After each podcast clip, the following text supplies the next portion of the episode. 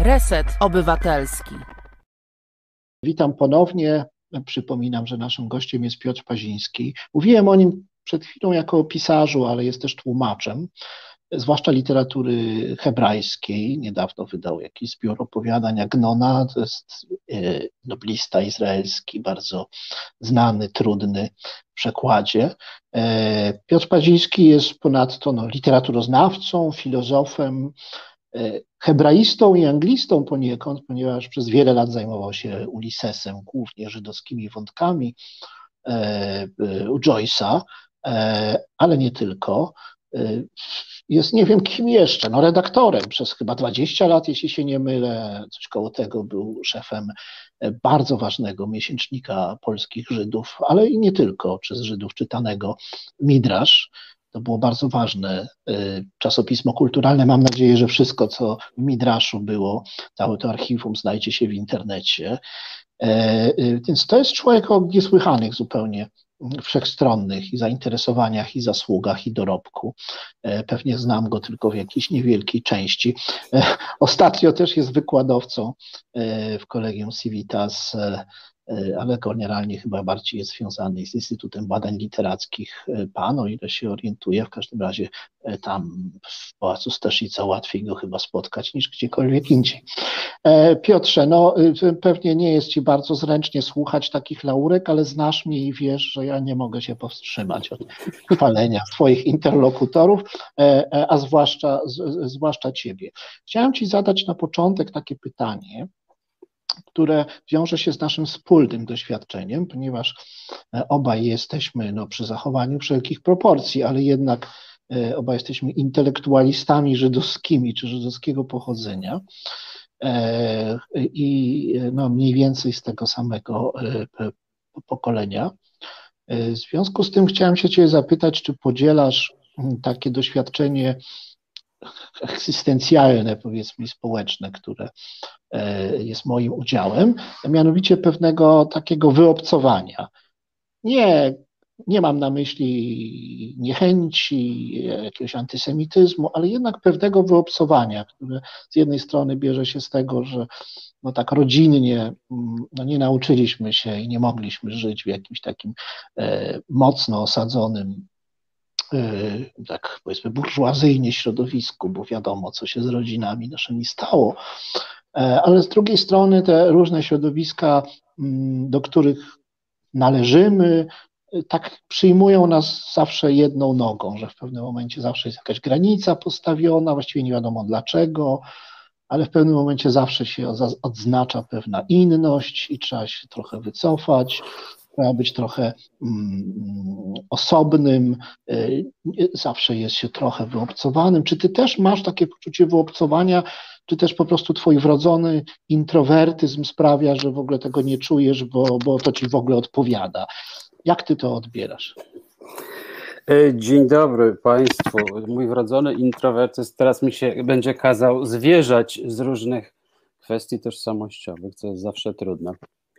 E, Janek wymienił roz, rozmaite moje zatrudnienia i, i zainteresowania. To przede wszystkim się czuję takim troszeczkę potomkiem, ja wiem, co takich XVII-wiecznych dziwaków e, i, i, amatorów, którzy tu, tu coś przetłumaczą, tu coś napiszą.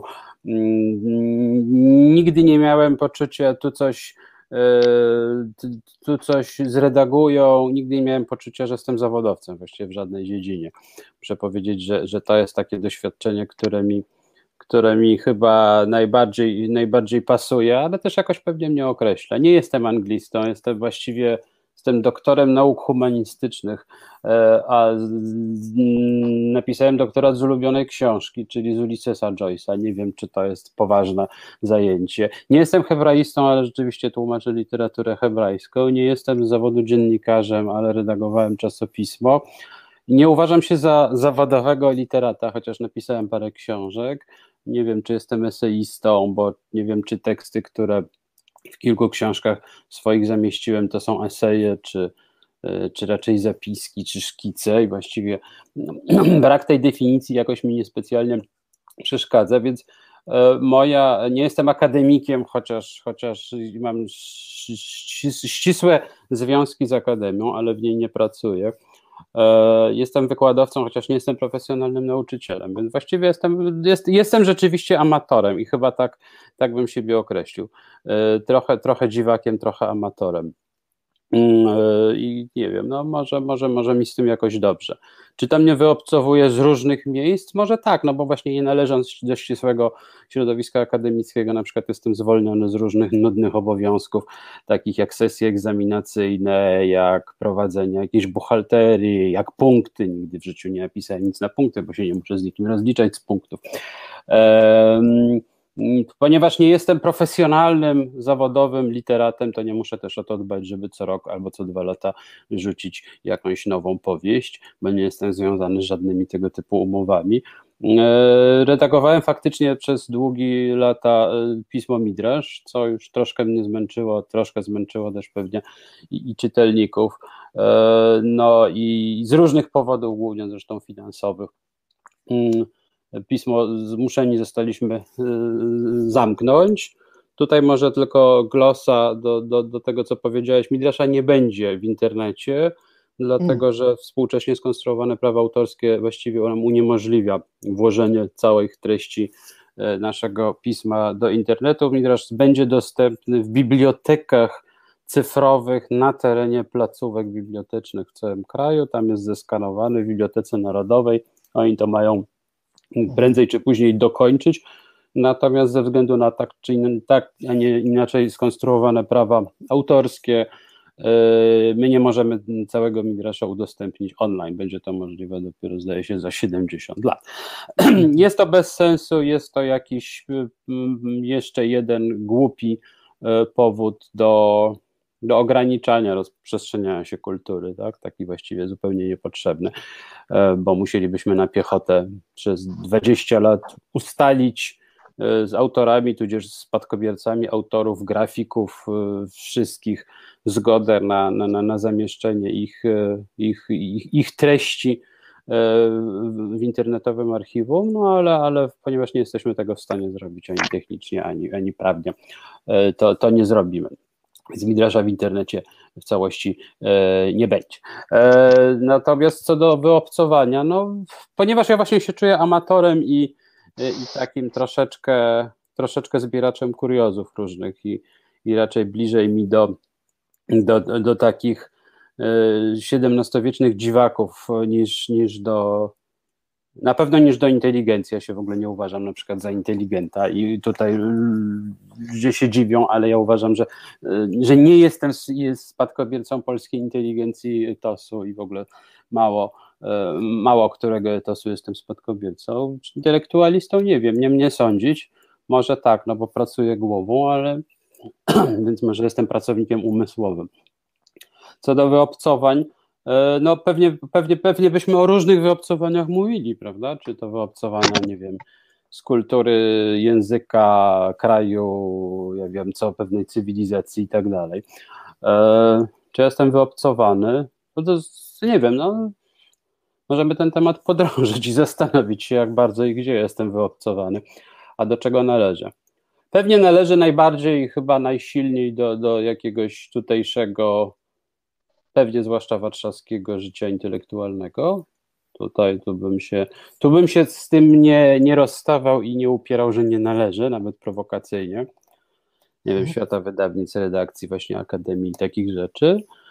E, co do Polski, to ja już sam nie wiem, czy jestem wyobcowany, czy nie. Chyba z każdym chyba z każdym e, rokiem i miesiącem czuję się coraz bardziej wyobcowane. To znaczy, mam coraz mniejsze poczucie, że tu jest moje miejsce i że tutaj należę. E, no, ale to jest już bardziej mój problem niż, niż być może nawet i problem Polski, tak? Ale nie, ja nie mam poczucia, że, że, że, że, jakkolwiek jestem Polsce czy polskiej kulturze do czegokolwiek potrzebny. Jestem pewnie potrzebny jako, jako, jako resztówka po zagładzie tej resztce kultury żydowskiej, która w Polsce istnieje, która przypuszczalnie za jedno, dwa, trzy pokolenia i tak już istnieć przestanie, bo, mm, bo tutaj w tych sprawach jestem dość, dość radykalnym pesymistą, więc Więc tak, więc jeśli kimś jestem, to jestem taką resztówką po zagładzie, która tutaj z różnych powodów e, rodzinno-biograficznych się ostała i, i, tak, i tak se trwa jako taka w pewnym sensie ontologiczna anomalia. O, tak bym, tak bym, tak bym to może wyraził ładnie. Więc czy, jeśli ontologiczna anomalia jest jakoś wyobcowana, no to, no to w tym sensie jestem wyobcowany. Natomiast ja nie mam poczucia wyobcowania środowiskowego, jak, jak mogłeś, nie wiem, sugerować czy, czy, czy, czy mhm. pytać, ponieważ to środowisko tej, no właśnie takiej, nie wiem, inteligencji, czy, czy, czy, czy, czy, czy literatów, czy czegokolwiek innego jest, jest jakoś mi bliskie i w nim się odnajduję. Znaczy mam bardzo silny krąg y, przyjaciół y, i, i, to jest chyba i to jest chyba ważne, więc tutaj bym siebie nie nazywał ani osobą jakoś samotną, ani, ani wyobcowaną, przeciwnie, mam poczucie, że mm, jestem otoczony dużą, dużą liczbą ludzi.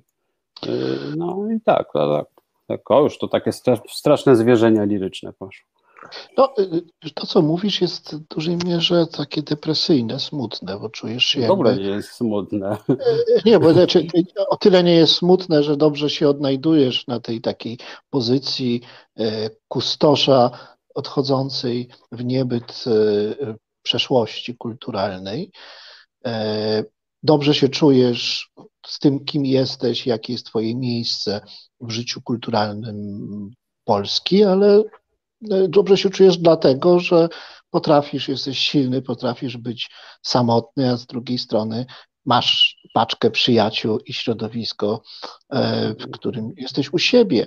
Ale tak naprawdę to, co nam powiedziałeś, jest dramatyczne, bo mówisz o, o tym, że ten świat jest nie do uratowania, że jesteś jakby strażnikiem, opiekunem pamięci e, e, tego, tego świata literacko-żydowskiego, czy może trochę szerzej, pewnej takiej formacji e, literacko-intelektualnej czasów przedwojennych i, i wcześniejszych.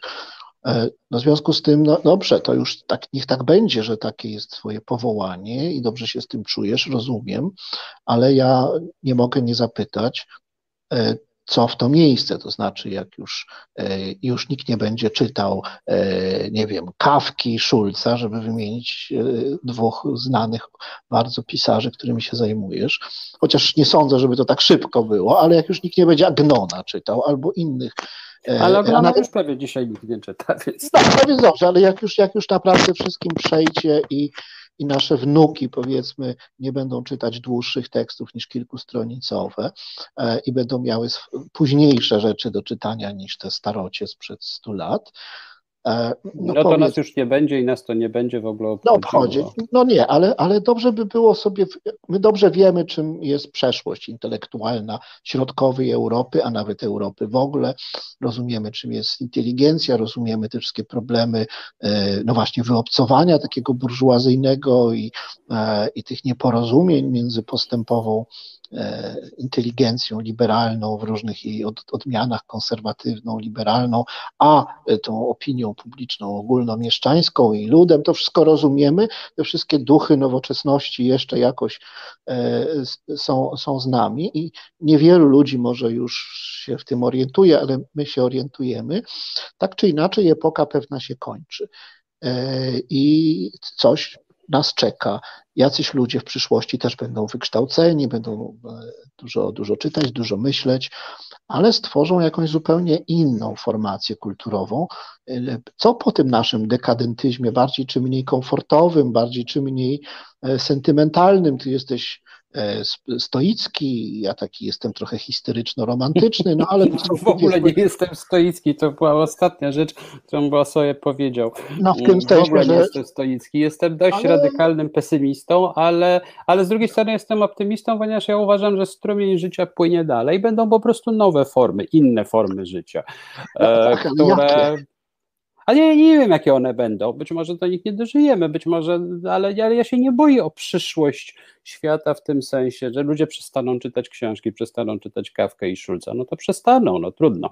Um, nie mam takiego w sobie lęku, że świat się weźmie i zawali, albo że, że cała nasza praca jako właśnie intelektualistów z przełomu XX i XXI wieku już nie będzie miała sensu, to nie będzie miała sensu, to będzie miała, sens miała jakaś inna czyjaś e, praca. Mm, ja się czuję w tym sensie jakby schyłkowy, że, że ta formacja, którą reprezentuję, zwłaszcza w Polsce, ona jest schyłkowa, no przede wszystkim na skutek, na skutek katastrofy II wojny światowej i tego, co się stało z, z, no, ze, ze społecznością e, mieszkających w Polsce Żydów których się czuję rzeczywiście jakąś częścią jakąś taką no, końcówką, znaczy tutaj pod tym względem obserwując działalność od, no nie wiem, od 20 czy iluś lat, nie wiem, instytucji żydowskich, gmin, tego, tego co się zwykło nazywać środowiskiem, społecznością i tak dalej, instytucji,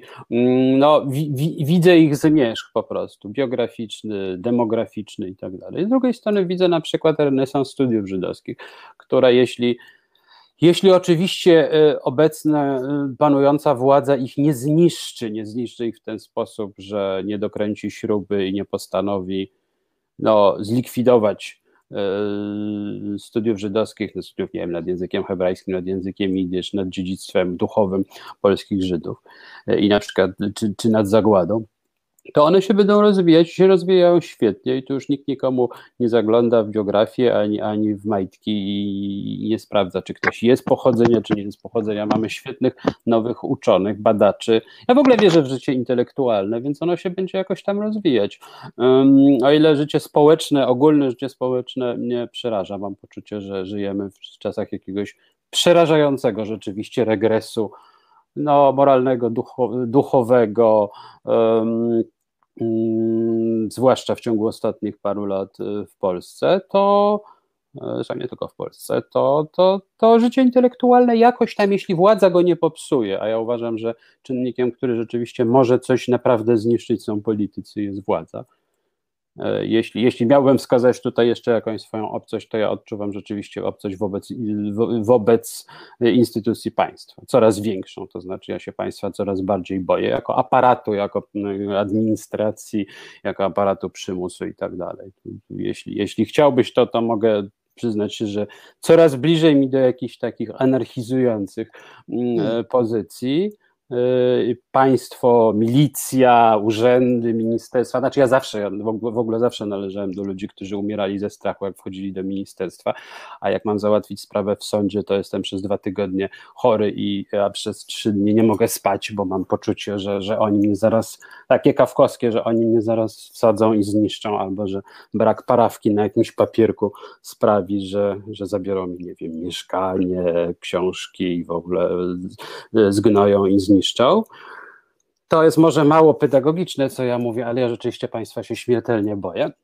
Natomiast... A Izraela też, czy tylko polskiego państwa? Izraela też się boisz? Yy, nie wiem, no bo nie jestem obywatelem Izraela, w związku z tym, w związku z tym być może gdybym był obywatelem, to bałbym się tamtejszych urzędów, tamtejszej służby więziennej i policji, tak? To nie, nie, mój strach przed państwem nie wynika, że to jest państwo polskie, ja nie jestem Polakiem, tylko, e, tylko wynika raczej po prostu z bardzo głębokiej nieufności wobec polityków, wobec instytucji państwa, której jakoś tak coraz bardziej nie ufam. E, no ale trochę się oddalam od, od tego, ja nie, wiesz, mi się wydaje, że schyłkowa, schyłkowa jest e, formacja, formacja liberalna. Nie wiem, ja jestem namiętnym czytelnikiem prasy prawicowej i tam nie ma tygodnia, żeby, e, żeby w, prawicowych tygodnikach opinii nie pojawiło się 78 felietorów o, e, o utyskujących na absolutną dominację Mm, e, establishmentu lewicowo-liberalnego. Ja się wtedy czuję królem życia. Mam wrażenie, że ja rządzę krajem, że po prostu moje opinie, moje wykłady, nie wiem, tory, moja gazetka, której prawie nikt nie kupował, moje książki y, na temat, nie wiem, Szulca, Kawki i tak dalej. To jest coś, to w ogóle, y, to ja w ogóle niszczę, niszczę tradycyjną cywilizację, ład i, i w ogóle tak mam takie poczucie wielkiej siły. Więc starczy, więc starczy, starczy posłuchać prawicowych publicystów, żeby mieć takie poczucie właśnie własnej, własnej ważności niż nieważności. E, natomiast nie, o przyszłość ja byłbym jakoś tam gdzieś spokojny. To znaczy, ja uważam oczywiście, że w Polsce dla tego typu formacji, którą reprezentujemy dłuższego e, trwania nie będzie, no właśnie ze względów choćby demograficznych. Natomiast tu no nie, nie, nie, jest tak, że, nie jest tak, że nie nadejdą jakieś inne równie wartościowe formy życia. O, e, raczej bym tak, bym tak patrzył na, na, na życie jako taki ustawiczny strumień zmieniających się form, dlatego też nie jestem konserwatystą, dlatego ja się w ogóle nie boję zmian. E, na świecie, dlatego nie płaczę, że tutaj feministki zaraz zniszczą tradycyjny ład, albo nie będzie można czegoś powiedzieć, albo Ameryka zostanie republiką LGBT. No to zostanie, to świetnie, to bardzo dobrze. E, więc e, nie, więc nie, nie mam takich lęków przed, przed zmianą. A my no, no będziemy niepotrzebni, no to będzie ktoś inny potrzebny. Za chwilę zagramy piosenkę, bo takie są prawa mm, audycji. I po tej piosence chciałbym usłyszeć Twoją odpowiedź na e, pytanie, no e, cóż o Polskę. E, czy jesteś jakoś. Cóż ja, cóż ja roz, roz, powiedzieć. Będziesz mówił, czy jesteś jakoś rozczarowany, czy jakoś zantagonizowany z taką polską Polską, polską dużą, całościową polską. Ja, lepiej, ja nie lepiej porozmawiać o francokawce, to jest zawsze ciekawsze od Polski. Wiesz co, ja się dobrze. Ale dobrze, no możemy, możemy, możemy bardzo, się o to. Możemy bardzo się słabo się znam na kawce. Możemy ale... się o to pospierać. Ja się słabo znam na Polsce, więc możemy się, ale możemy się o to pospierać po przerywniku muzycznym. Właśnie. Tak Prosimy o piosenkę. Reset Obywatelski działa dzięki Twojemu wsparciu. Znajdź nas na zrzutka.pl. Słuchasz Resetu Obywatelskiego. Nikomu e, Właśnie. E, prosimy o piosenkę.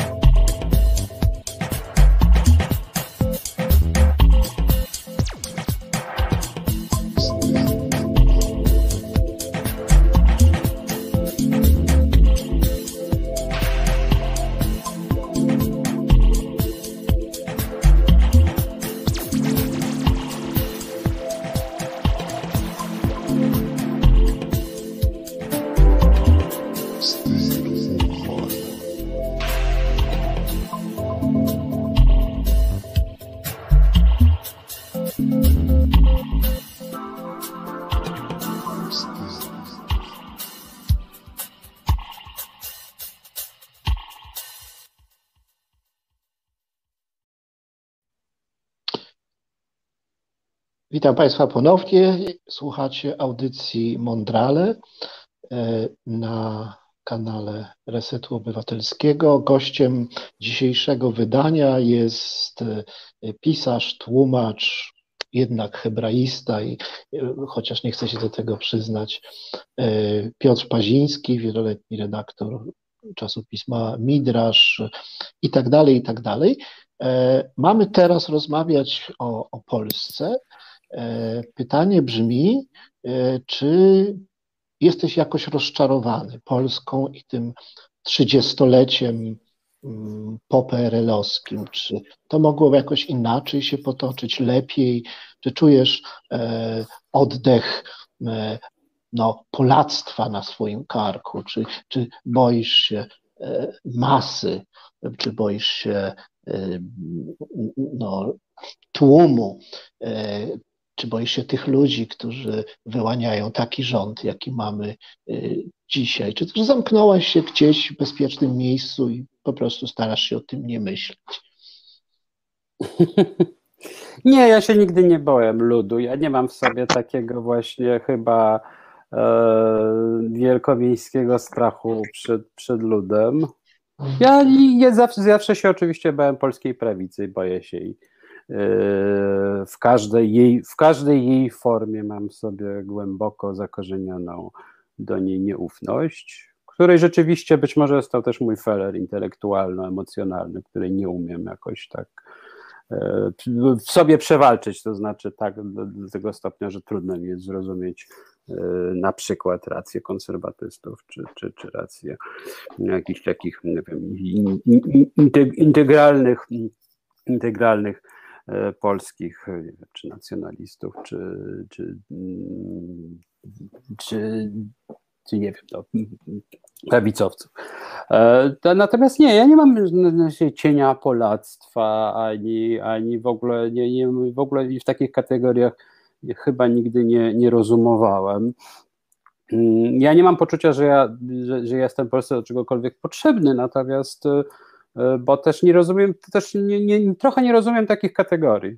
Ja jestem może potrzebny kilku czytelnikom. Ja mogę być potrzebny moim studentom, prawda? Ja mogę być potrzebny, którym, którym wykładam. I też robię to dla nich, dla czytelników. Nie robię tego ani dla, dla kultury polskiej, ani dla, dla społeczeństwa. Nigdy w życiu chyba nie zrobiłem nic dla społeczeństwa. No, robię dla poszczególnych ludzi. E, jeśli mam grupę studentów, to raczej robię to dla każdej poszczególnej pary oczu, która na mnie patrzy. Teraz jest to trudniej, bo w dobie, w dobie koronawirusa i, i, i, zajęć na Zoomie ludzie nie włączają często kamer albo ich nie mają w swoich komputerach, więc to jest trudniej. Ale tutaj każdy student, każde spotkanie z, z osobą, która na przykład słucha moich wykładów jest dla mnie ważne. Ale ja z tego nie robię jakiejś takiej większej kategorii, właśnie, że to jest społeczeństwo. Ważny jest dla mnie każdy czytelnik, który przeczytał, nie wiem, Pensjonat, czy moją ostatnią książkę o, o, o, o atrapach i manekinach i gabinetach figur woskowych, bo akurat taki temat sobie obrałem. Natomiast w ogóle bym o sobie nie powiedział, że robię to dla jakiejś wspólnoty, w ogóle nie strasznie nie lubię słowa wspólnota, którego prawica, ale też i część lewicy nadużywa bez, bez przerwy.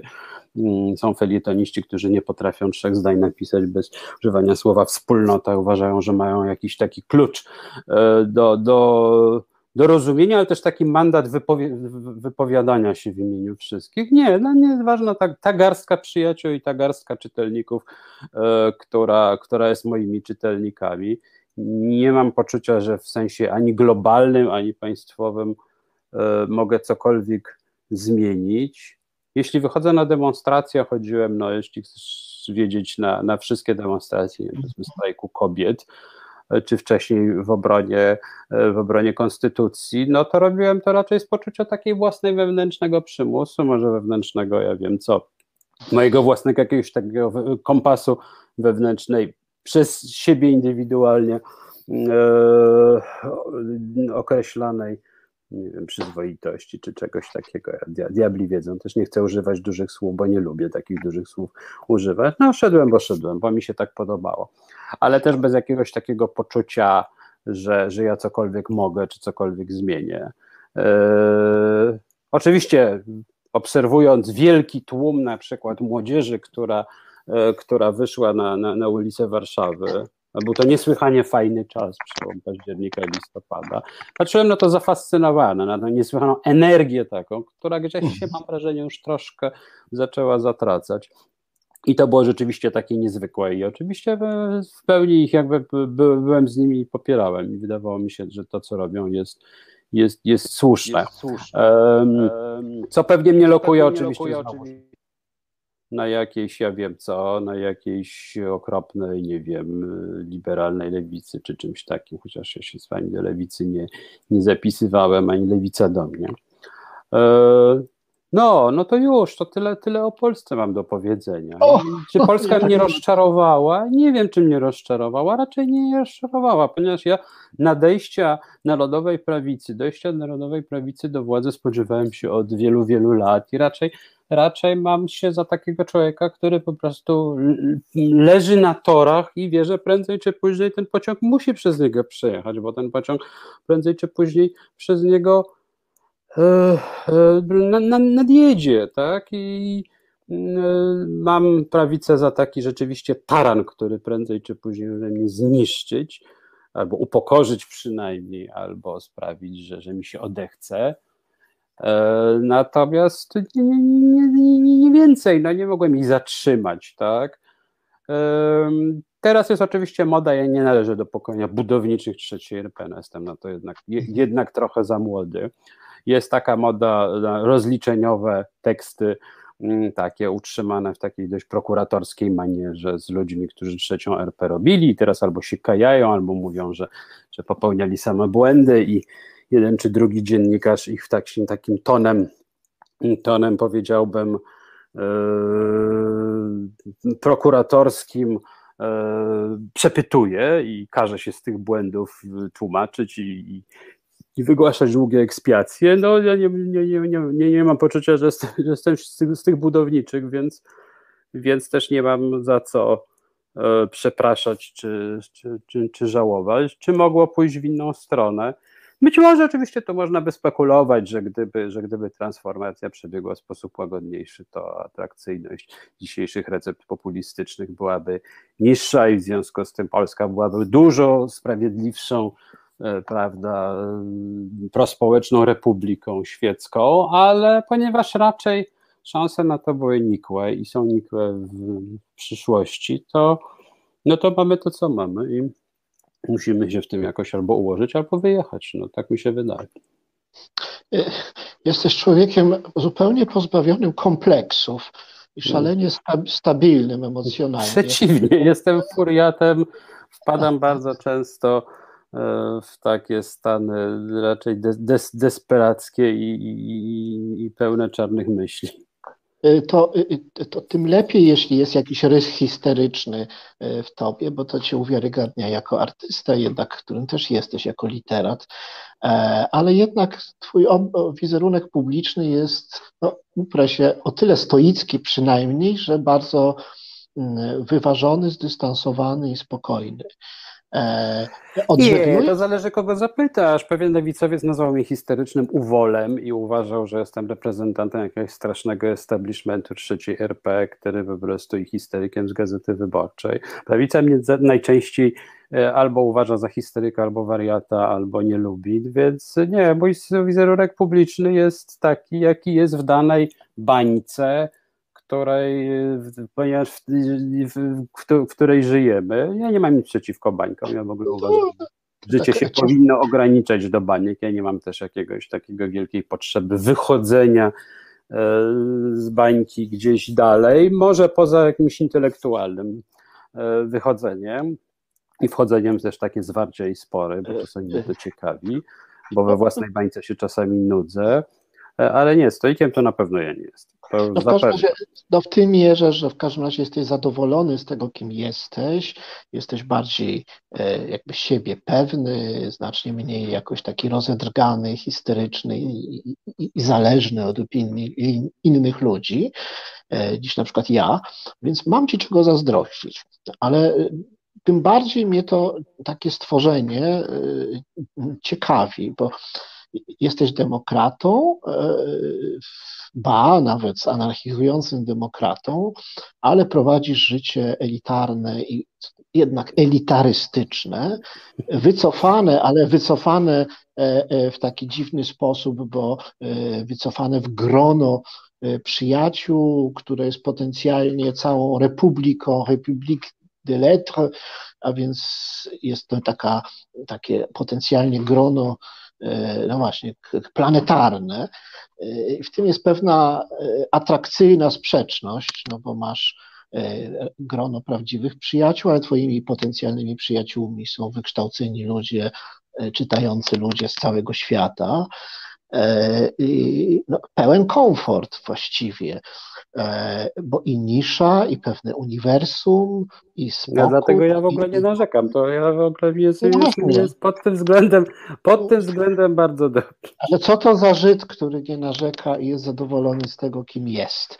E, żartuję, bo właśnie może właśnie takim Żydem Nie, to ja narzekam na co innego, to ja trochę narzekałem i trochę tłumaczyłem, że znaczy ja mam oczywiście poczucie, że z kolei E, te rzeczy no, intelektualne, czy jakieś pisarskie i tak dalej, artystyczne, które ja robię, no, są siłą rzeczy skazane na, na, na, na erozję i, i raczej odchodzenie w przeszłość, ale nie dlatego, że nie dlatego, że, że ludzie przestaną czytać książki, tylko że mam poczucie, że dziedzictwo polskich Żydów będzie z każdym pokoleniem coraz bardziej odchodziło, odchodziło okay. w przyszłości. I tutaj w tym, w, tym sensie, w tym sensie jestem anomalią, tak, że gdybym był, nie wiem, pracownikiem naukowym Uniwersytetu Hebrajskiego, miałbym poczucie, że pracuję no, w bardziej żywym miejscu niż, niż jakieś instytucje studiów żydowskich w Polsce, które za sobą zawsze będą miały cień zagłady i zawsze te pewnie to, co ja piszę, ma za sobą długi cień zagłady i tak dalej, więc, więc w tym sensie e, we mnie jest jakiś taki smutek wynikający z poczucia, no właśnie, bycia taką resztówką. To tak, no.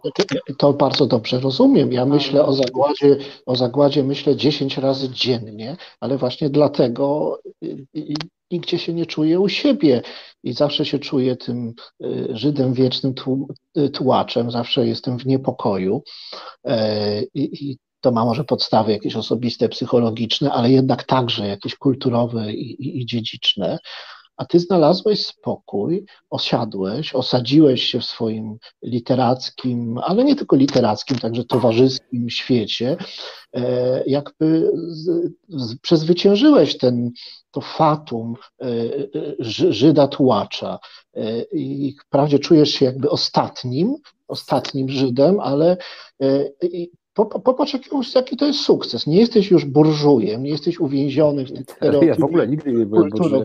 No ale tam sobie masz z tyłu te półki z książkami, więc no, coś burżuazyjnego. Burżuj nie ma półek z książkami. Dobrze, ale jest, no trochę ma, taki inteligent burżuazyjny, no ma mieszkanie w Warszawie i książki. E, mój ojciec tak miał, mój dziadek tak miał, mój pradziadek tak miał, więc a teraz ty tak masz, a ja nie mam. E, e, więc masz te pewne atrybuty stabilizacji, a jednocześnie akceptujesz tą swoją pozycję bardzo wyróżnioną ostatniego pokolenia, I w tym wszystkim nie ma ani rozpaczy, ani niepokoju. Jesteś absolutnie wyjątkowy, bo jeśli to jest sprzeczne wewnętrznie. Nie, jeśli nie, nie wiem, no, to, to, oczywiście nie chcę się tak, nie chcę się teraz tak trochę wewnętrznie czy nie tłumaczyć nie rozpaczy i niepokoju. Nie, no niepokoje są, bo sytuacja polityczna mnie bardzo niepokoi. Wiem, jak łatwo jest zniszczyć to, co myśmy zrobili, choćby na niwie właśnie studiów żydowskich.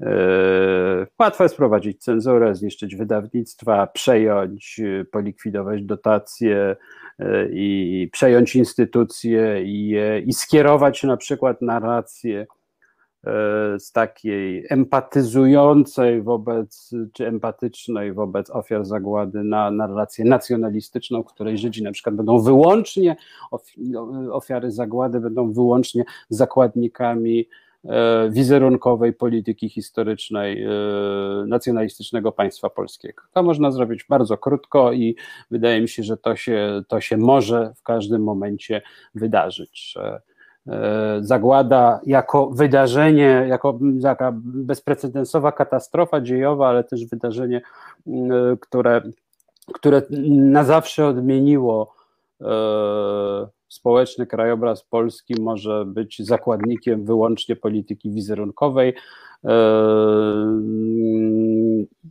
czyli narzędziem, narzędziem uprawiania takiej, takiej czy nie innej polityki tożsamościowej polskiej. To jest, to jest, to jest rzecz, która, której się obawiam. To jest rzecz, powtórka e, z tego, co się działo w latach 70., kiedy po marcu ten temat żydowski całkowicie zszedł albo został, albo został zinstrumentalizowany. I w tym sensie oczywiście mógłbym mieć poczucie, że moja praca jako, nie wiem, tam hmm, redaktora Midrasza, autora kilku książek, czy, y, czy nie wiem, czy redaktora w wydawnictwie Austeria i byłaby bez sensu, tak? Znaczy, że to można oczywiście zmarnować. E, I tak, i to jest, to jest taki lęk, on nie jest, to nie jest lęk egzystencjalny, to jest, tu raczej rzeczywiście byłbym wściekły, jeśli się tak wydarzy, to znaczy jeśli minister Gliński z ministrem Czarnkiem e, z, tak zmienią na przykład edukację, e, czy tak zmienią szkolnictwo wyższe, czy tak wpłyną na, na zmianę profilu mu, muzeów czy placówek, placówek edukacyjnych czy kulturalnych, że one będą przede wszystkim nośnikiem treści no, tożsamościowo-nacjonalistycznych, no to faktycznie to dla nas już wtedy nie będzie miejsca. Nie dlatego, że nas ktoś tutaj zarąbie siekierą, czy, czy wypędzi, bo nas pewnie nie wypędzą, być może nawet nas nie zarobią siekierą, tylko rzeczywiście zmarnują. Jeśli ja się czegoś boję, to tak już mówimy już o lękach i tak się mhm. nieustannie tutaj lirycznie zwierzamy.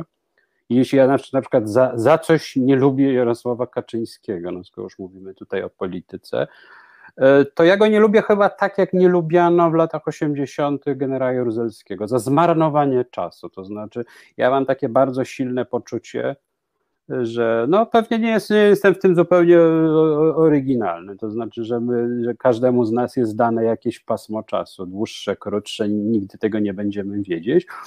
I, i z tego czasu Jarosław Kaczyński, wampir, który który nas od kilkunastu lat terroryzuje, który, który pije naszą krew, który żywi się naszymi lękami i niepokojami, który e, ma, e, który jest człowiekiem właściwie e, duszą i, i, i, przynajmniej jedną nogą na tamtym świecie, zwłaszcza po katastrofie smoleńskiej, człowiekiem wyzbytym jakichkolwiek ziemskich zobowiązań wobec kogokolwiek, może nam zmarnować życie. Znaczy, może nam w tym sensie, że może żyć długo i nam to życie marnować, że my się będziemy nim przejmować, że my się będziemy e, przejmować tym, w którą stronę on, w którą stronę on prowadzi kraj, jak bardzo nam, jak bardzo nam nasze osobiste i sprawy sprawy, jak, jak w nie wejdzie, jakie, nam ustra z przeproszeniem. I to jest rzeczywiście rzecz, której ja się obawiam. To znaczy, to jest to, dla mnie to jest taka e, formacja, która właśnie to nie o to chodzi, że, że, że oni przyjdą i nie powieszą na latarni. Nie, oni po prostu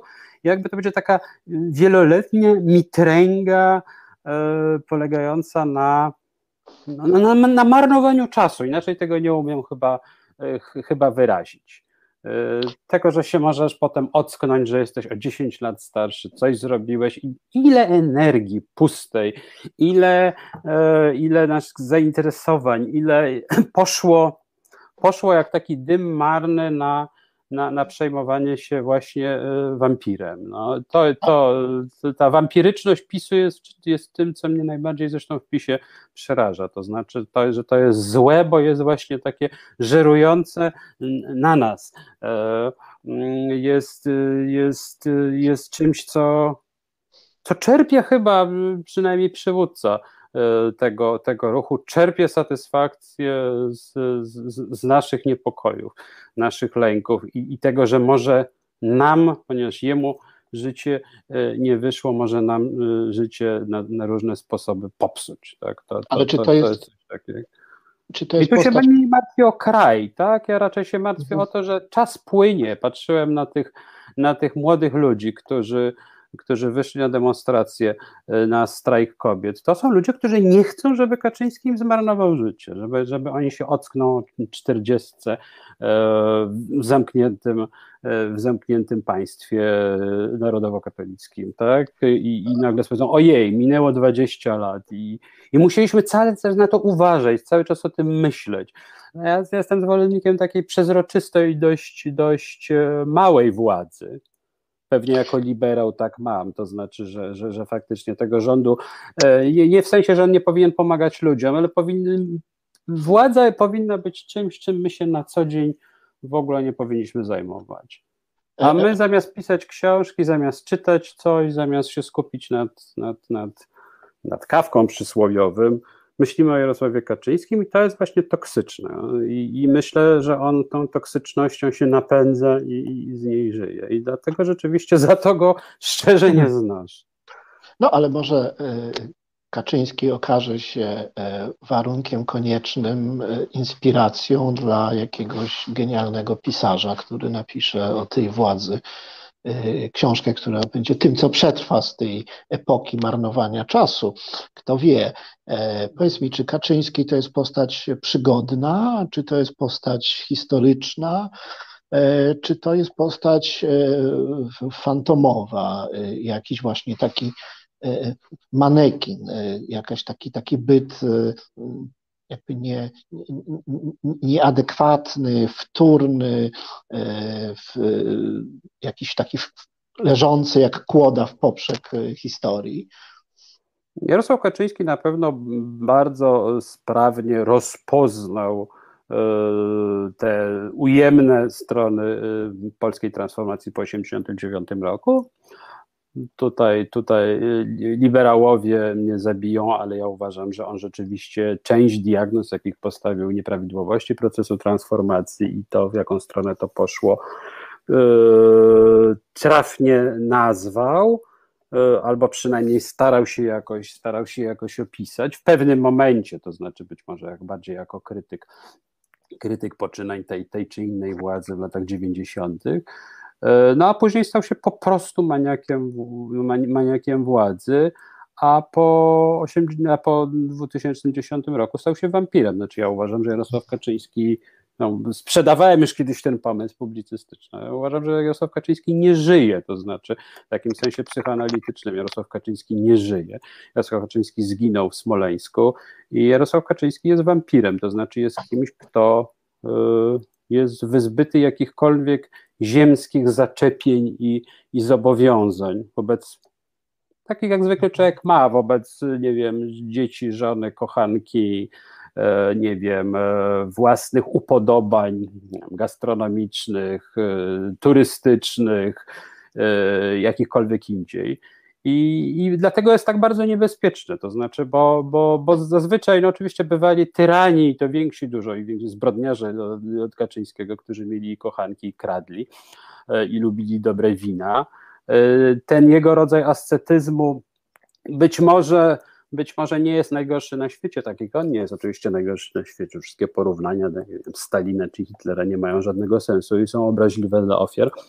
E, natomiast sam ten fakt takiego wiszenia w powietrzu, tego, że on nie ma żadnych e, tutejszych zabezpieczeń poza nagą władzą, żadnych pasji, żadnych, nie wiem, mógłby zbierać motyle, mógłby, nie wiem, pić, kolekcjonować whisky, no cokolwiek mógłby robić, coś, co nie będzie nagą władzą, jest, jest straszne, ponieważ ponieważ póki on żyje, żyje dla władzy i, i póki żyje, tę władzę będzie chciał e, sprawować.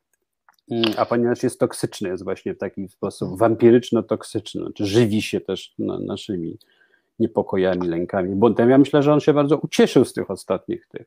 Oczywiście mógł być trochę przestraszony, jak mu tam e, demonstrowano na, na Mickiewicza, ale jak, jak, jak widziałem te 82 samochody policyjne, wyglądało to mhm. upiornie, e, skądinąd. Też tam byłem.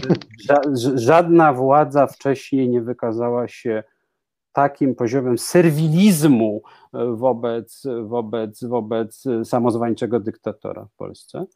Na pewno, na pewno od 89 roku, bo tutaj jeszcze, bo cały ten napęd tego, prawda, mm, e, tego, e, tych sił policyjnych to nie jest lęk przed tymi demonstrantami, tylko to jest po prostu napędem jest e, serwilizm, chęć podlizania się, podlizania się kapryśnemu naczelnikowi sama ta idea naczelnikostwa jest rzeczywiście, jak już tak rozmawiamy o ustroju państwa, ja uważam, że ona jest głęboko upokarzająca. Jeśli coś mnie upokorzyło w ciągu ostatnich lat, to to, że gdy różni prawicowi intelektualiści, nie mówię o dziennikarzach, ale mówię o politologach, cieszyli się z idei naczelnika. To znaczy, że demokratyczne państwo prawa ma mieć jeszcze dodatkową anomalię w postaci, no właśnie kogoś, kto, kto, jest, kto jest przywódcą partii i jednocześnie, jednocześnie tym takim tym takim e, no, trochę operetkowym, a trochę jednak groteskowym, a trochę jednak realnym ośrodkiem władzy, no, która się w ogóle nie mieści w jakichkolwiek konstytucyjnych, e, e, prawnych, e, prawnych ramach i że oni uważają, że to jest dobrze, że to jest to szarpnięcie cuglami, że to jest to, ta zmiana, która, która jest Polsce potrzebna, że pozytywizm prawny jest czymś z zasady złym, podejrzanym, e, rzeczą cudzoziemskim, a nam potrzeba takiego przewodnika, e, przewodnika narodu, który, który, który, posiadającego jakieś takie nadzwyczajne kompetencje w dziedzinie władzy. I to, co się teraz dzieje, ten bunt połączony oczywiście, połączony oczywiście z realnym protestem E, przeciwko biowładzy, no bo, bo, bo, bo zaostrzenie ustawy antyaborcyjnej to jest po prostu pokaz biowładzy. Znaczy my was możemy zrobić z wami wszystko i, i was, e, e, was, młode kobiety przede wszystkim, bo to, bo to je w pierwszej kolejności dotyczy, możemy dowolnie zeszmacić, my przede wszystkim faceci siedzący w Sejmie, znaczy, możemy Wam pokazać, że jesteście niczym, e, bo my stanowimy prawo, a ale, ale jakby drugą częścią tego, tego, tych, tych, tych protestów było, był protest przeciwko tej niesłychanej anomalii, co błyskawicznie rozpoznano, organizując protesty czy na Mickiewicza pod, pod, tym, e, pod tym bliźniakiem e, Kaczyńskiego, czy na Nowogrodzkiej. Tam jest realna władza i ta władza jest nienormalna. Ona jest nienormalna nie dlatego, że Kaczyński ma poglądy narodowo-prawicowe, tylko jest nienormalna, dlatego że to jest jakby taki zupełnie rozsadzający ład prawny element, mm, element e, polityczny. No w dodatku, jak już powiedziałem, egzystencjalnie wiszący w powietrzu. Nie jest dobrze, kiedy dużym krajem europejskim rządzi ktoś, kto, kto, kto psychicznie nie żyje. E, przed piosenką chciałabym jeszcze dopytać, czy skoro jesteśmy w takim upokorzeniu, e, w takiej zależności od takiej no, figury zdefiniowanej w gruncie rzeczy w kategoriach psychologicznych bardziej niż historyczno-politycznych, skoro więc jesteśmy tak w takiej przygodności zanurzeni i bezradni wobec niej, w takim zatrzymanym kadrze historii, to czy, czy jesteśmy w czasach historycznych mimo wszystko? Czy Polska y, przeżywa czas historycznie doniosły? Y, czy też właśnie jest w regresie, w zastoju, spóźnia się, skazuje się na długie dochodzenie do tego miejsca, w którym się na przykład po pandemii znajdzie świat? Czy masz poczucie, że w ogóle nasze pokolenie mm, żyje czasem nadzwyczajnym, czasem historycznym, e, czy też właśnie w jakimś takim po nowoczesnym jakimś rozgardiaszu, w, w jakiejś takiej dyseminacji ogólnej, rozpadzie, który traci jakieś ukierunkowanie, traci strukturę.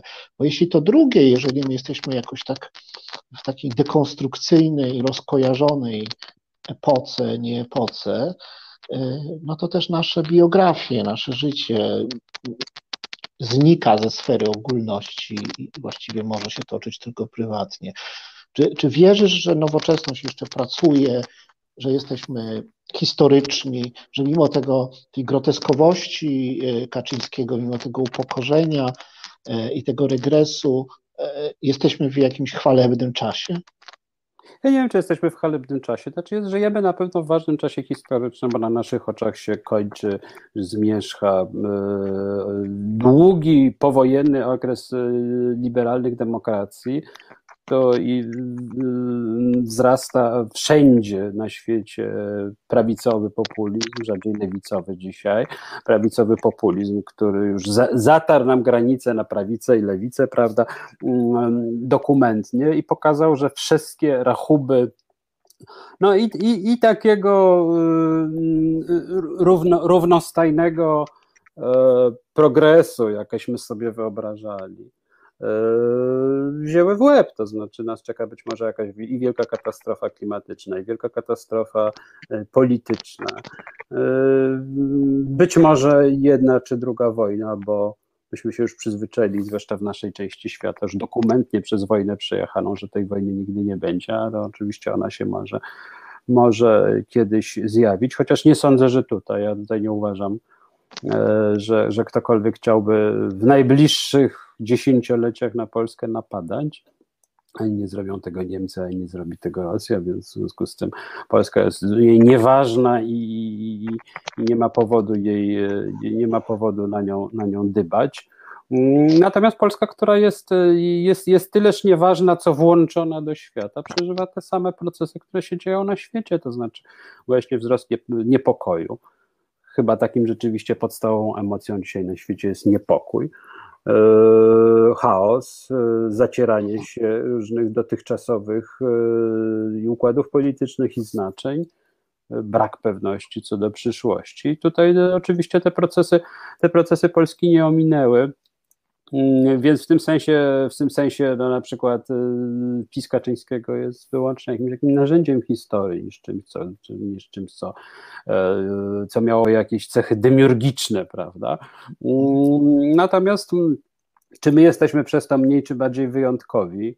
Nie wiem, bo ja nie wiem, znaczy być może nie należy żyć w bardzo wyjątkowych czasach, bo co, jakbyśmy żyli w czasie II wojny światowej, tak, bo byśmy wylądowali w Treblince albo, albo byśmy jakoś przeżyli, nasze życie byłoby wyjątkowe w tym sensie jako przeżywców, ale czy to lepiej? Nie, no ja uważam, że lepiej żyć w takiej półglątwie, nawet jeśli to jest półglątwa, niż, niż w czasach jakichś absolutnie wyjątkowych to ja już wolę jako taki zawodowy dekadent y, żyć y, na, nawet i w Polsce Jarosława Kaczyńskiego niż, niż nie wiem, niż, niż, niż generalnym gubernatorstwie. Tak? No dobrze, ale czy, czy, czy ta glątwa jest glątwą tylko dla nas, czy sądzisz, że może e, e, e, stanie się ona trochę bardziej klarowna z punktu widzenia kolejnego pokolenia? No ktoś będzie pisał za 50 lat o naszych czasach, o naszym pokoleniu, być może stanie, niektórzy z nas będą bohaterami, inni e, e, przypisami takiej opowieści o tym, co się działo wtedy w Polsce, w Europie i na świecie. Czy w ogóle, czy ta glątwa jest rzeczywista, czy, czy po prostu to zawsze taki jest, że człowiek po prostu nie wie, w jakich czasach żyje i to będą Troszkę tak jest, że nie wie, w jakich czasach żyje. Troszkę tak jest, że nie wie, w jakich czasach żyje. No chyba, że go rzeczywistość już naprawdę uderzy obuchem w łeb. Że jak ktoś żył podczas II wojny światowej, to wiedział, że, że pod hitlerowcami. A tak to nie, troszkę nie wie. Ale ja bym się tak też bardzo nie kłopotał, jak zostaniemy zapamiętani. Może w ogóle nie zostaniemy zapamiętani, może planetoida uderzy w Ziemię, może się nie mamy tym zupełnie co przejmować. E, są autorzy, którzy się przejmują, czy będą ich czytać za 100 lat. Nie, mnie się to zupełnie jakoś nie jestem się w stanie tym, nie jestem się w stanie tym przejąć. E, ja pod tym względem jestem bardzo jakby tu, tu, teraźniejszo tutejszy. No. Ja nie chciałbym, żeby, żeby jakaś duża siła kosmiczna czy polityczna no, zniszczyła mi to, co, co, co zostało mi dane, czyli jakieś, jakieś, jakieś pasmo czasu moje.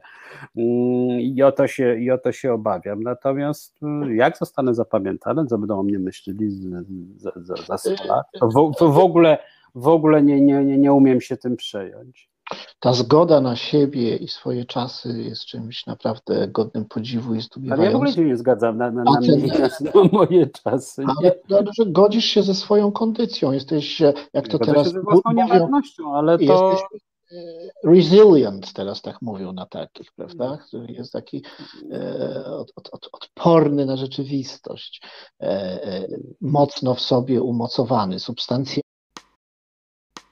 Znudzeni mainstreamowymi newsami? Czas na reset obywatelski, zaangażowane dziennikarstwo. Reset Obywatelski działa dzięki Twojemu wsparciu. Znajdź nas na zrzutka.pl. Jesteśmy ponownie. E, to jest e, audycja Mondrale w radiu Reset Obywatelski. W każdy piątek na żywo od 17 do 19 spotkania z polskimi intelektualistami e, na żywo piątki, a na zawsze e, na YouTube, w Facebooku i na innych nośnikach w internecie. Pytanie sprzed przerwy na piosenkę dotyczyło narcyzmu, próżności, poczucia własnego znaczenia, nadziei na to, że będzie się kimś znacznym. E, jako, że Piotr jest literaturoznawcą, jest specjalistą od e, przynajmniej kilku wielkich pisarzy, chciałem się zapytać, już nie będę go męczył, bo ciągle pytałem o niego. E, chciałem się tym razem zapytać o tych pisarzy, o tych twórców. E, czy oni e, jakoś rozumieli swoją wielkość, e, czy to wyobrażenie o własnym znaczeniu, wyjątkowości pomagało im tworzyć, czy ich jakoś kształtowało? No i w ogóle czym jest wielkość w odniesieniu do no, tego subiektywnego poczucia jakiejś wyjątkowości czy, czy wyjątkowego talentu? Czy taki na przykład mm, Franz Kafka, e, którym tak się przecież pasjonujesz, e, e, albo James Joyce. Czy oni wiedzieli, kim są w ogóle? Oj, nie wiem. No, po Kawce mamy dzienniki z jego, z jego rozlicznymi wypowiedziami na temat siebie i swojej kondycji i egzystencjalnej i pisarskiej, ciekawszymi, mniej ciekawymi. Wiemy dobrze, że Kawka nakazał zniszczyć, nakazał Maxowi Brodowi zniszczyć większość swojej twórczości, czego Brod nie wypełnił, e, no ale przekonaniu, że jest ona dalece niedoskonała do tego, co, co, co, co on sobie jako pisarz umyślił. Za życia jednak wydał cztery tomiki e, z niektórymi opowiadaniami, więc, więc pewnie miał i czytał przyjaciołom proces e, i zamek, więc pewnie miał poczucie, że jest to coś warte. Czy myślał o sobie za 100 lat? Nie, nie wiem, nie, nie, umiem, nie umiem powiedzieć. Raczej nie, nie przypominam sobie takich, wy, takich wypowiedzi Kawki. Kawka raczej zawsze podkreślał swój takie, swoje własne wewnętrzne wyobcowanie. No i, e, no i ten swój, no, no i tę swoją tragedię, że, że nie kontrolował, czy nie panował do końca nad swoim procesem twórczym. Kawka tak naprawdę chciał być taką maszyną do pisania i bardzo cierpiał z tego powodu, że ta maszyna się ustawicznie e, zacinała, e, że miał inne sprawy, że do pewnego momentu, póki się nie rozchorował, e, pracował w biurze i, i, i marnował czas. No jest to człowiek, który jednak się ucieszył, że, roz, że, że zachorował, tak, że teraz będzie miał cały zewnętrzny świat z głowy i będzie mógł poświęcić się literaturze. Co do Joyce'a, to Joyce był rzeczywiście przekonany, że Ulysses jest dziełem przełomowym, wypowiedział się na tym wielokrotnie, e, roztaczał wokół siebie taką atmosferę e, no, tajemniczości, lubił akolitów, którzy mu kadzili, miał chyba poczucie, no jednak y, musisz mieć poczucie własnej wielkości, wielkości tego, co stworzyłeś, żeby powiedzieć, że włożyłem w moją książkę tyle zagadek, żeby przez tysiąc lat badacze głowili się nad nią, to, to jednak jest dość, dość, wysoki, dość wysoki poziom narcyzmu, ale też chyba i takiego poczucia własnej wartości. Więc tutaj byliby przeciwieństwem, że Joyce lubił siebie i lubił to, co napisał. Kawka siebie nie cenił, był całe mhm. życie zgnębiony, przekonany, że to, co stworzył, jest dalece odległe od jakiegoś ideału, który sobie umyślił. Cierpiał nad tym, cierpiał nad tym, że nie jest właśnie jest niewydajny i, i chaotyczny. Mm, że zbyt wiele tutaj produkuje E, rodników notatek, a nie, a za, a za, a za mało takich rzeczywiście gotowych, y, gotowych, gotowych dzieł. Mm, no, więc, więc, więc, więc inni. Więc jeśli Joyce'a bym podejrzewał o to, że się, że myślał nad tym, jak będą, e, jak będą czytać Ulyssesa za, za 100 czy 200 lat, to, to Kawki raczej bym o to nie podejrzewał, ale nie pamiętam, narcyzm płata, płata różne figle, więc, więc może i Kawka myślał o tym, jak, jak zostanie zapamiętany przez potomnych. A czy, czy, czy literatura się staje ważna wtedy, kiedy jest autentyczna w tym sensie, że e, dla autora jest e, e, ekspresją jego wewnętrznych konfliktów, jakąś autoterapią wyrastającą z, z jakiegoś bólu, e, czy, czy, czyli ważność dzieł literackich, tych wielkich, polega na tym, że odsłaniają wielkość swoich autorów, czy też dzieło literackie może być tworem talentu autonomicznym, wyobcowanym z osoby, mm, od osoby pisarza, który może nie dorównywać swojemu dziełu. Czy w ogóle sobie wyobrażasz coś takiego jak taka semantyczna lektura, mm, która traktuje dzieło y, literackie w oderwaniu od y, twórcy jako właśnie taki, takiego prerekwizytu tego dzieła, który jakby nie dorównuje mu pod względem swojej wyjątkowości. Czy też odwrotnie? Ja sobie wyobrażam oczywiście i myślę, że duża część literatury która, światowej, Y, to jest literatura, której, która jakby przewyższa twórcę albo na różne sposoby wyobraźnią, moralnością i tak dalej. A jak to jest możliwe?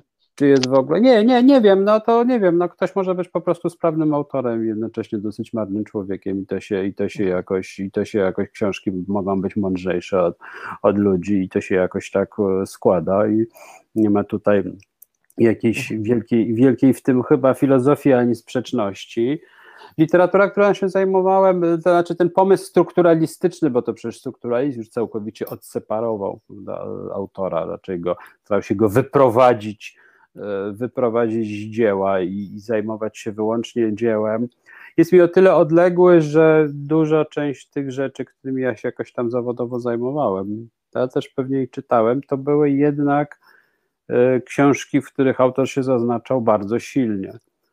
E, Ulysses Joyce'a oczywiście nie jest opowieścią autobiograficzną, natomiast e, nie ma co ukrywać, że Stefan Dedalus jest alterego e, Joyce'a z 1904 roku.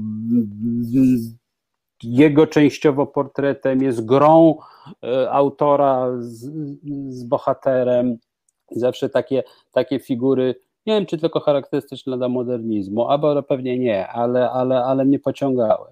Kawka też jest silnie autobiograficzny, chociaż oczywiście ani procesu, ani zamku nie nazwiemy autobiografiami w żadnym razie, ale, on, ale też trudno Kawkę wyprowadzić jednoznacznie i powiedzieć, że wyjmujemy autora i oto będziemy się zajmowali wyłącznie tekstem. I gdzieś to pogranicze by interesowało i takie migotanie, obecność i nieobecność autora we własnym dziele.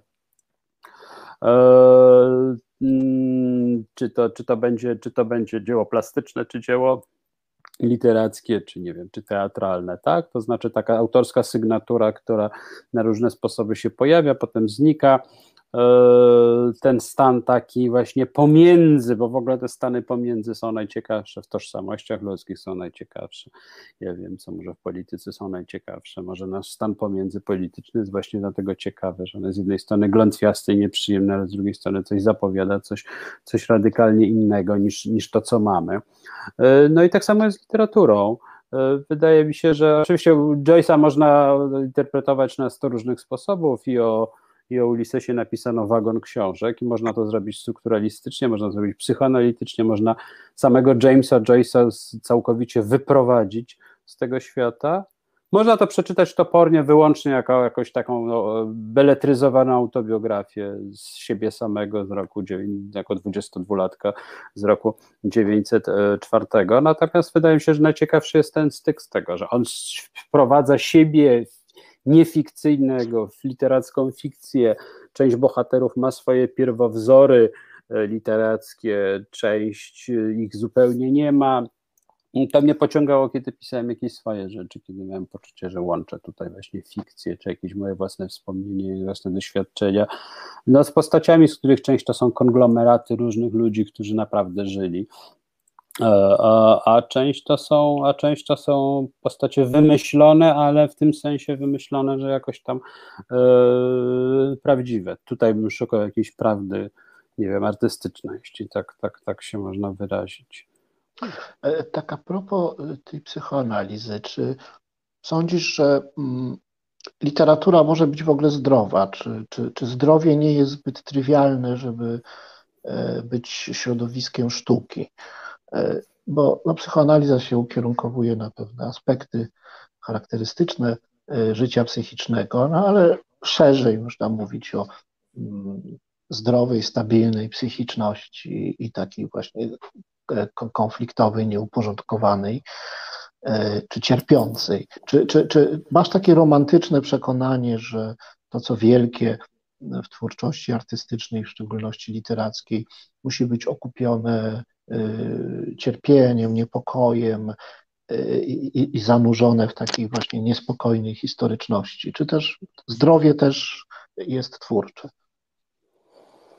Ale zdrowie w jakim sensie? Zdrowie psychiczne, czy, czy, czy, czy zdrowie, zdrowie historyczne, zdrowie historyczne, epoki? Epo, tak, i, i, no, i, psychiczne do autora. Pewnie, pewnie mamy wiele książek, które powstały w dość stabilnych czasach. Nie wiem, no tak trzeba by przelecieć się przez półkę z literaturą światową i się zastanowić, który z pisarzy był tak trywialnie zdrowy, jednocześnie, jednocześnie ja wiem co żył, żył w dosyć stabilnej, stabilnej rzeczywistości. E, I, I, po prostu brał i tak brał i, i, i pisał. No, Balzak może, ja wiem co. Ale też zagoniony mieszczanin, też ciągle, ciągle za pieniędzmi, ciągle jakieś kłopoty, produkował tych, tych książek na, jedną za drugą.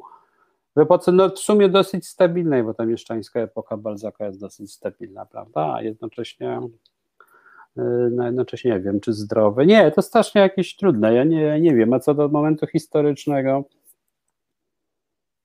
no, Kawka pisze podczas I wojny światowej, której właściwie z wyjątkiem jakichś bardzo drobnych aluzji nie ma w ogóle w jego książkach czy w jego tekstach, y, co można wskazywać na jakąś taką radykalną separację losu i, i, i historii i literatury i człowieka.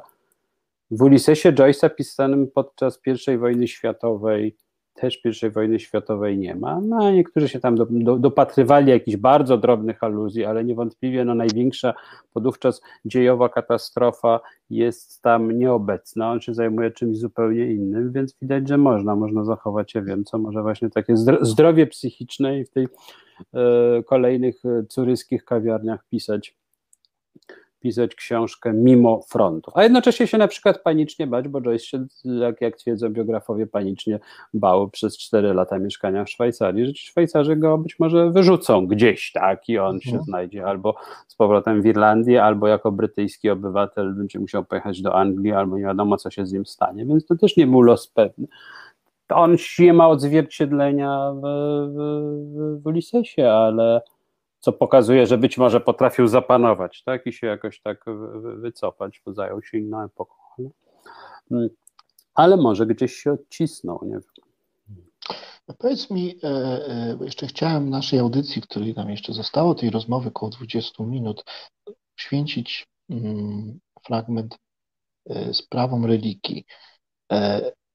Jesteś szczególnie predestynowany, żeby wypowiadać się o miejscu doświadczenia, czy takiego przetworzonego literacko doświadczenia mm, religijnego, bo po pierwsze się w dużej mierze tym zajmowałeś, a po drugie, no sam masz jakiś osobisty stosunek do, do religii, jesteś, no co tu dużo mówić, no jednak znawcą także e, Biblii, Tory e, i, i tej literatury religijnej żydowskiej, e, znasz język hebrajski, co jest wielką rzadkością. Bardzo dużo wiesz o tym, chociaż zdaje się, jesteś tak, powiedzmy sobie, powierzchownie religijny, to znaczy jakoś tak uczestniczysz okazjonalnie e, e, w jakichś e, wydarzeniach religijnych. No ale jesteś z Biblią bardzo związany i ta, twój kształt żydostwa też jest zabarwiony judaizmem, bardzo intelektualnie jakby takim uświadomionym, informed Judaism, jeśli tak można powiedzieć.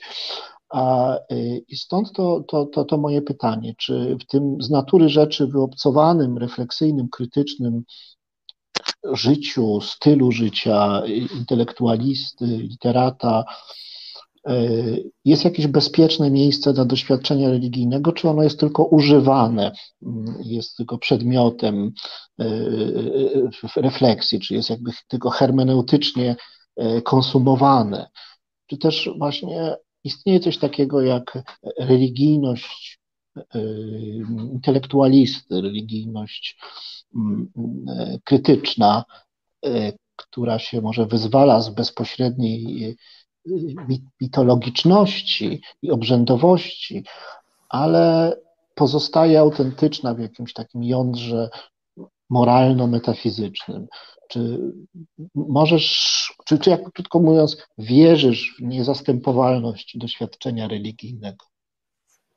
Ojej, to strasznie trudne pytanie. Czy ja wierzę w nie, jakoś pewnie wierzę w niezastępowalność doświadczenia religijnego, chociaż ja się nie uważam za osobę szczególnie religijną a i nie potrzebuję obrzędów, to, że ja dwa, dwa czy trzy razy do roku urządzam, e, pamiętam o świętach żydowskich, tak jak Nowy Rok, czy Sodny Dzień, czy, czy, czy Pesach, to, to nie wiem, czy to jeszcze ze mnie robi e, osobę, osobę religijną. Na pewno ja nie lekceważę doświadczenia religijnego. W tym sensie ja mogę być, ja mogę być agnostykiem, ja mogę być e, bezbożnikiem, ale ale na pewno nie jestem tym, tym, tym, wierzącym ateistą, który uważa, że religia to jest przeżytek, opium dla ludu, że, Tora, że, że Biblia to, to jest stek bzdur, to jest śmieszna książka ze śmieszną bozią. E, i, e, i czy Pan Bukiem, jak, jak lubią pisać tacy za, zawodowi ateiści, że jest to po prostu no, bzdur, albo, albo jest to po prostu książka e, zła, z której, z której całe zło wypływa. Mnie Biblia interesuje przede wszystkim bo, na wielu poziomach. E, Biblia to jest biblioteka książek. To jest, to jest zawsze tłumaczę studentom, że nie ma czegoś takiego jak Biblia. Biblia to są te te Biblia, te, te książki, to jest, to jest półka różnego rodzaju tekstów historycznych. W Biblii jest i, i no mówię, użyłem słowa, mówię w Biblii, ale tak naprawdę powinienem powiedzieć w Tanachu, czyli w tym korpusie, korpusie tekstów są, jest, jest miejsce i na poezję erotyczną, i na czy pieśń nad pieśniami, i na poezję żałobną, i na, na, na hymny e, jakieś pochwalne i błagalne do, do transcendencji i na historię, i na, i na wiele innych tekstów, które ja sobie bardzo lubię czytać. E, tak jak lubię właśnie biblijny hebrajski. E, I tutaj podchodzę do niego tak jak, nie wiem, tak jak e, wielcy izraelscy pisarze do współczesne, jak Amos Oz czy Meir Szelew, o którym wczoraj miałem wykład, którzy uważali się za ludzi świeckich, ale niemniej czytali, czy czytają jak Oz Tanach no, jako skarbnicę po prostu i, i postaci, i bohaterów, sytuacji. Ja uważam, że Biblię spokojnie może czytać bezbożnik, to znaczy ktoś, kto rzeczywiście nie wierzy w transcendencję, czy, czy nie wierzy w Boga takiego, jak, jak, jak, jak, jak, jak e, podaje do wierzenia czy to rabiniczny judaizm, czy na przykład chrześcijaństwo jakiejś tam dowolnej denominacji. Po pierwsze dlatego, że, że, że, że te księgi Tanachu, Tora i kolejne księgi to są opowieści o ludziach, niekoniecznie o Bogu, ludziach w różnych sytuacjach. Zawsze podaję przykład Jakuba, który ucieka w Księdze Rodzaju z Berszewy, ponieważ oszukał swojego ojca, e, wyłudził pierwoludztwo, oszukał brata i z, za, przy pomocy matki ucieka z domu i budzi się na tej strasznej, upiornej pustyni, gdzie ma sen z drabiną. E, to oczywiście można przeczytać bardzo teologicznie, jako, jako, jako, jako tekst o Bogu, ale można to przeczytać jako tekst o tajemnicy istnienia, jako tajemnicy, jako czymś przerażającym, jako budzi się przerażony, mówi, jak straszne jest to miejsce. Oczywiście mówi też, że być może jest tam Bóg, co przez to rozumie, czy on przez to rozumie na taką twardą transcendencję mm, e, filozofów i, i duchownych, czy rozumie jakąś otchłań siebie samego, wszechświata, pustki ogarniającej go czerni na, na tej pustyni, to, to, to nie, ja tego nie przesądzam. Ja tylko stwierdzam, że ten tekst jest niesłychanie e, frapujący, interesujący, że na przestrzeni dosłownie dziesięciu wersetów kryje się jakaś tajemnica. E, ja chyba wyrastam z literatury, znaczy rzeczywiście z modernizmu, który był mi bliski i z takiego gestu to może, to, może, to może niektórych zdziwi. Mnie jest bardzo bliskie witkacowskie pojęcie tajemnicy istnienia. Ja tu w ogóle nie pakuję do tego jakiejś. Znaczy, ja uważam, że rzeczywiście, że istnienie w sensie, w sensie bytu, w sensie, w sensie, w sensie istnienia nas samych i świata kryje w sobie jakąś taką nieredukowalną tajemnicę, którą można.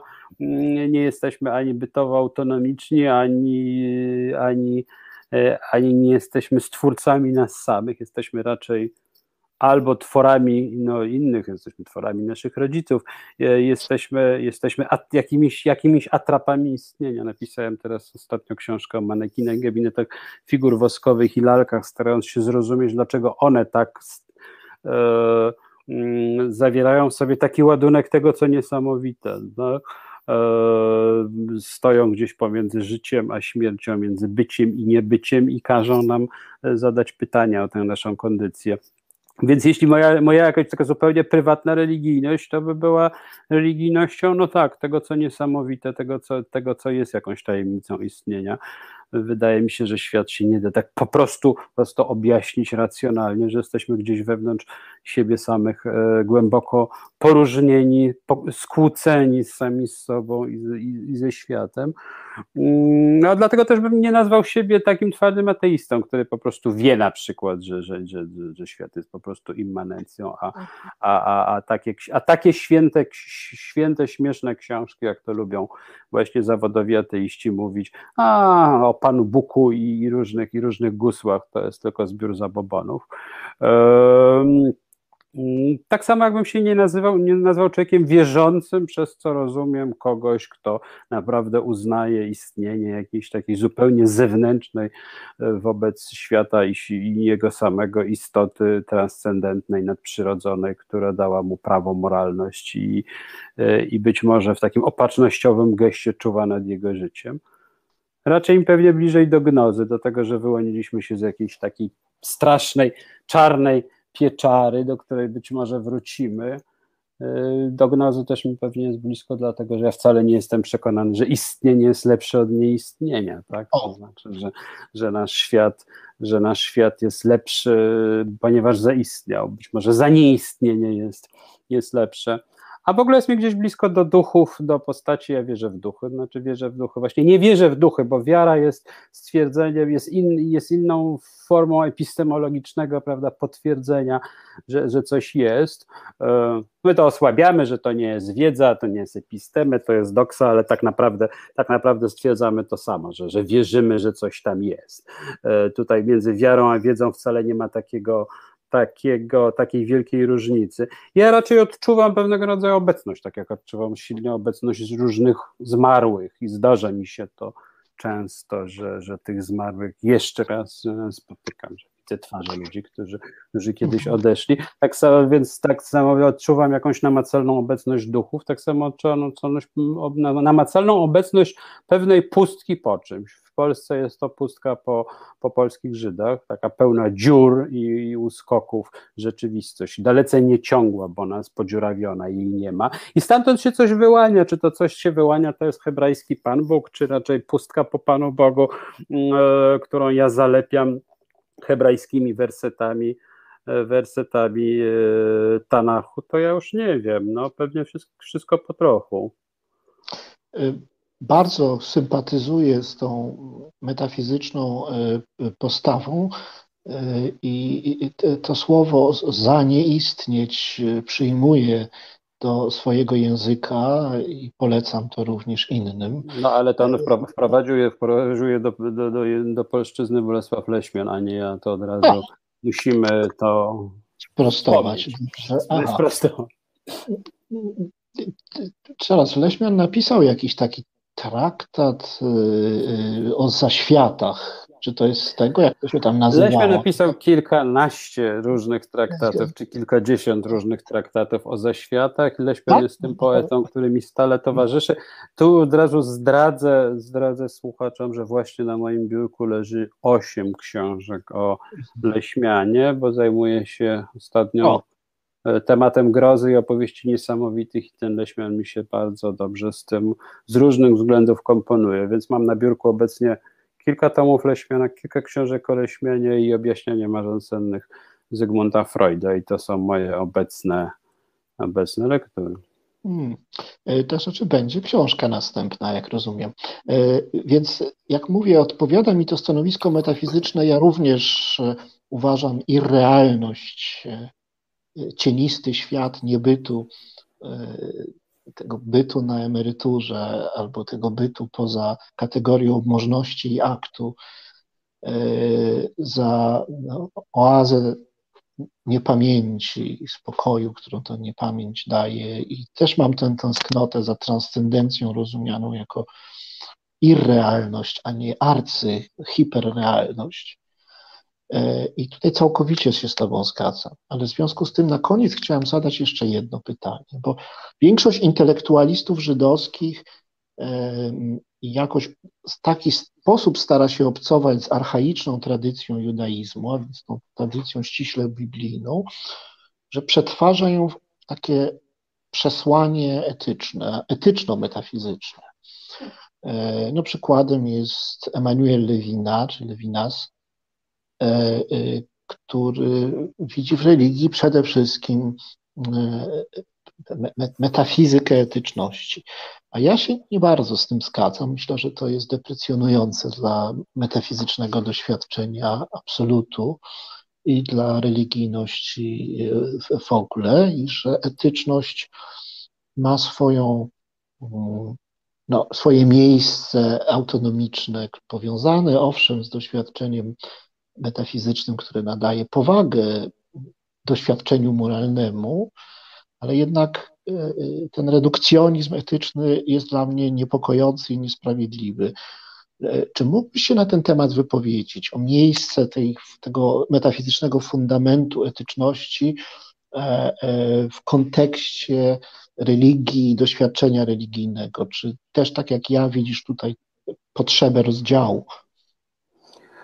Mnie kiedyś myśl Lewinasa bardzo, bardzo leżała i była bardzo bliska i chyba jest nadal jego etyczna myśl, to znaczy tam, tam gdzie on etykę buduje właśnie niekoniecznie na transcendencji, tylko na twarzy bliźniego, prawda, na tych oczach. Tak jak powiedziałem o oczach studentów, że ja uczę uczę e, albo piszę dla pojedynczego czytelnika czy czytelniczki, dla pojedynczego studenta i studentki i widzę i patrzę na nich, to, to a nie myślę wtedy ani o społeczeństwie, ani o kulturze polskiej, ale o Polsce najmniej, y, to oczywiście gdzieś miałem w tyle głowy Lewinasa i ta pojedynczość relacji, niepowtarzalność relacji e, jest e, etyczne jest mi jakoś, jakoś bliska że Lewinas deprecjonuje metafizykę, czyli właśnie ten tajemnicę istnienia, trochę tak, on jest trochę ikonoklastyczny wobec, wobec tych nurtów, nurtów y, już samego judaizmu, nawet judaizmu rabinicznego, które,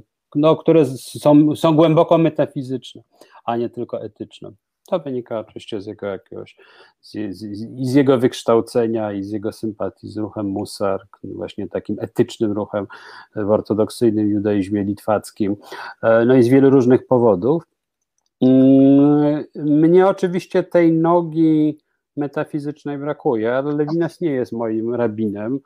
E, moim rabinem jednak, jeśli miałbym powiedzieć, chyba, chyba, był, chyba był i jest Gershom Scholem, czyli, czyli największy, najwybitniejszy dwudziestowieczny historyk mistycyzmu żydowskiego, kabały i, i oprócz tego wielki intelektualista e, żydowski.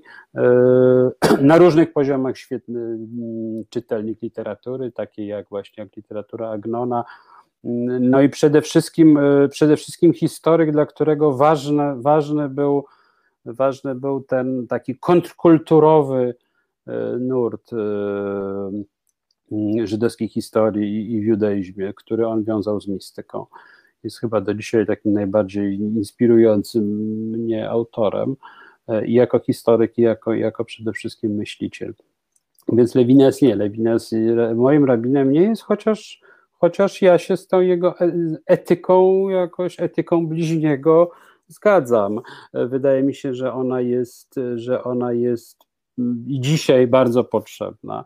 Jeśli miałbym tutaj się pokusić o jakąś taką polityczną puentę, to, to Lewinas byłby potrzebny tam, gdzie strona rządząca nie dostrzega twarzy bliźniego, nie widzi jego potrzeb, jego pojedynczości, gdzie widzi naród, gdzie widzi całość, gdzie widzi długą historię, a nie widzi pojedynczego, pojedynczego człowieka z jego indywidualnym, niepowtarzalnym e, krótszym albo dłuższym życiem i prawem do, do, do szczęścia. I tam, gdzie się nie potrafi też wycofać, wycofać na własne racje, nie potrafi zrobić tego, co, co w kabale luriańskiej nazywa się cimcum, wycofanie. E, wielki mistyk XVI-wieczny e, Itzhak Luria uważał, że Bóg musiał się trochę wycofać, żeby zrobić miejsce dla świata. E, I potem między innymi Lewina z, z tego zrobił taką myśl, że my sami się musimy troszkę wycofać z naszych własnych pozycji, żeby zrobić miejsce dla, dla drugiego człowieka, dla jego wrażliwości, dla jego poglądów, dla jego, dla jego po prostu istnienia. I, i, i tutaj, i, tutaj i, i władzy państwowej, i naszym przeciwnikom politycznym, ale pewnie też i nam samym, bo czasami bywamy za bardzo zapalczywi.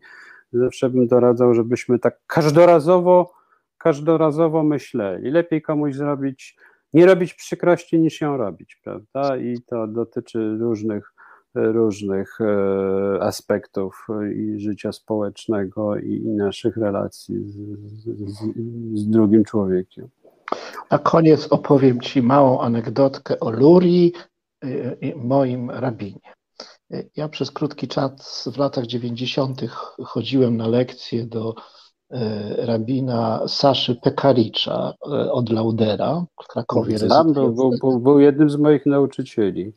No, właśnie, ale tak się, tak się złożyło bardzo śmiesznie, że Sasza Pekaricz chciał zrobić doktorat na Uniwersytecie Jagiellońskim, e, napisać pracę właśnie o kabale luriańskiej.